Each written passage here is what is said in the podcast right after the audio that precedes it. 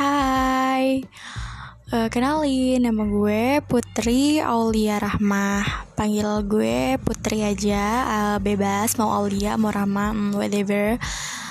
Gue baru first time bikin podcast. Sebenarnya udah lama banget pengen bikin podcast Tapi baru berani sekarang. Hmm, Dan mencoba sekarang karena asik banget Dan gue suka aja gue itu tipikal orang yang hmm, pengen tampil but not show. Gitu gimana sih ya? Kayak lo tuh pengen tampil gitu tapi lo kayak masih insecure or malu gitu sih.